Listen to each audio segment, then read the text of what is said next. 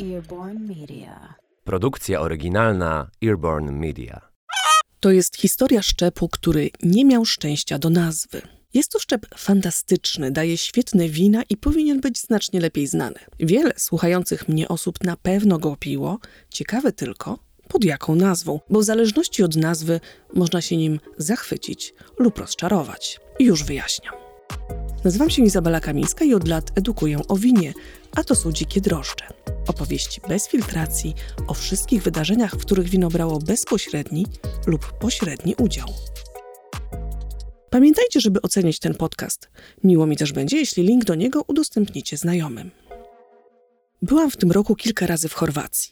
Taki chorwacki rok mi się zrobił. Zapraszana byłam na dziennikarskie eksploracje i na konkursy winiarskie. Ostatnia podróż wynikała z zaproszenia na wydarzenie zatytułowane Go Grow.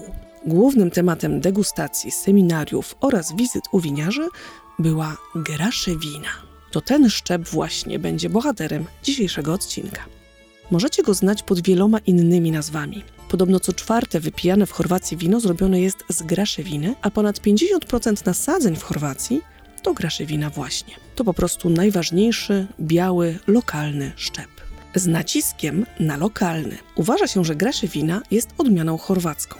Stąd pochodzi, nawet jeśli uprawia się ją dziś z powodzeniem w całej Dolinie Dunaju. Znajdziecie ją w krajach byłych Austro-Węgier, zatem w Austrii, na Węgrzech, także w Czechach, na Słowenii, w Serbii, w Chorwacji. Jest o niej wzmianka w książce chorwackiej z 1816 roku pod tytułem Idealny winiarz. Nazywano ją wtedy Graszac. Ojciec ampelografii, czyli nauki o winoroślach, Franz Trumer stworzył w 1841 roku wspaniałą książkę z opisem 131 odmian ze styrii. I to on stworzył właśnie systematykę opisu winorośli. I w tej właśnie książce wspomina o graszewinie. Tylko niestety nadaje jej wówczas nowe, zupełnie inne imię, które na zawsze będzie dla naszego szczepu przekleństwem.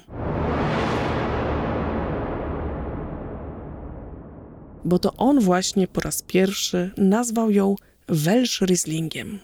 No i przejdźmy teraz do tych alternatywnych, do dziś używanych nazw na graszewinę.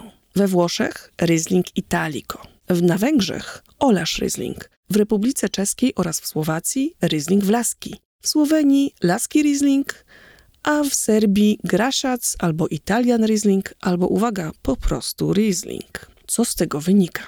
Po pierwsze, mylne skojarzenie z Włochami. Mamy tutaj Italico, Olasz, Wlaski i wciąż napotykam na artykuły w internecie mówiące, że to odmiana z Włoch. Tymczasem przyjrzyjmy się temu członowi nazwy. Welsz w słowie Welsh Riesling nawiązuje do słowa Wlach z języka germańskiego, a słowo to oznacza obcy i było używane w odniesieniu do ludów posługujących się językiem celtyckim, a następnie romańskim. To po polsku Wołosi. Słowo to przez wieki oznaczało różne społeczeństwa, mówiono tak na ludność Rumunii i Mołdawii i Serbii. Wlach, Wlaski, Olasz należy rozumieć jako wołoski, jako obcy, nie tutejszy, a nie włoski. Zatem Welsh Riesling to obcy, inny Riesling, a nie Riesling z Włoch, tylko bałkański właśnie. Drugim problematycznym członem tej nazwy jest Riesling, bo przez tę część nazwy często graszewina była porównywana do Rieslinga i przez to traktowana jako gorszą jego wersję. Węgrzy nawet podjęli w pewnym momencie próbę wprowadzenia innej nazwy niż Olasz Riesling. Synonimami miały być Nemesz, Orisz, Mandula,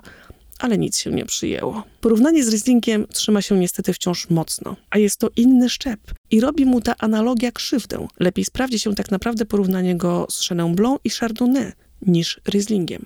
Jest to odmiana bardzo wdzięczna, z której można zrobić i wina miusujące, i wytrawne, i słodkie, i z beczki, i zupełnie świeże. Mamy tutaj takie rześkie nuty cytrusowe, nuty jabłka, brzoskwinie, ale potrafią też one się zamienić w takie nuty bardziej egzotyczne, ze słodyczą melona, a nawet miodu. Lubią też kwiatowość graszewiny. Jeśli chcecie zobaczyć, a właściwie spróbować, jak smakuje obłędna interpretacja tego szczepu, poszukajcie wina od bardzo znanego zresztą producenta Krautakera ze Sławonii w Chorwacji. Graszewina Mitrowac. Jedna z najbardziej eleganckich i wielowarstwowych, jakie piłam. Z nutami białych porzeczek, moreli, gruszek, subtelnym wpływem drożdży, na których to wino leżakowało w kadzi ze stali nierdzewnej, z pikantnością białego pieprzu i słonością. One często są słone. Określiłam je w moich notatkach jako absolutnie cudowne. W Serbii zaś jest taki producent Vincic z regionu Fruszka Gora. Piłam jego graszaca, bo tak się nazywa graszewina w Serbii, z 2020 roku. Dostało aż 97 punktów dekantera,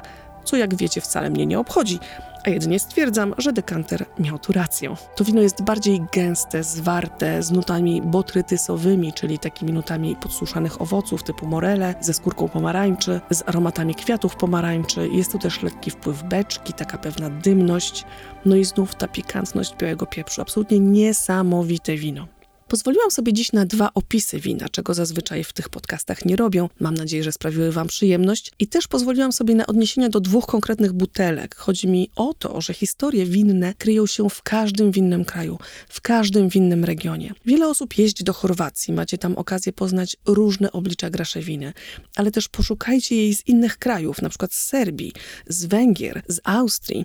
Welsh Riesling w Austrii, w regionie Burgenland, w okolicach jeziora Nezyderskiego, daje fantastyczne wina z późnego zbioru, czyli takie słodkie, deserowe. I nie dajcie sobie wmówić, błagam, że to włoski szczep. Dobrze byłoby zacząć w ogóle powszechnie używać jednej nazwy, żeby skończyć z tym całym językowym zamieszaniem. Bo język może nieźle w historii wina namieszać.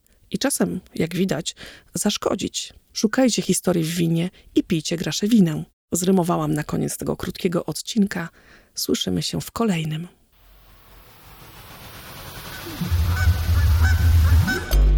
Earborn Media.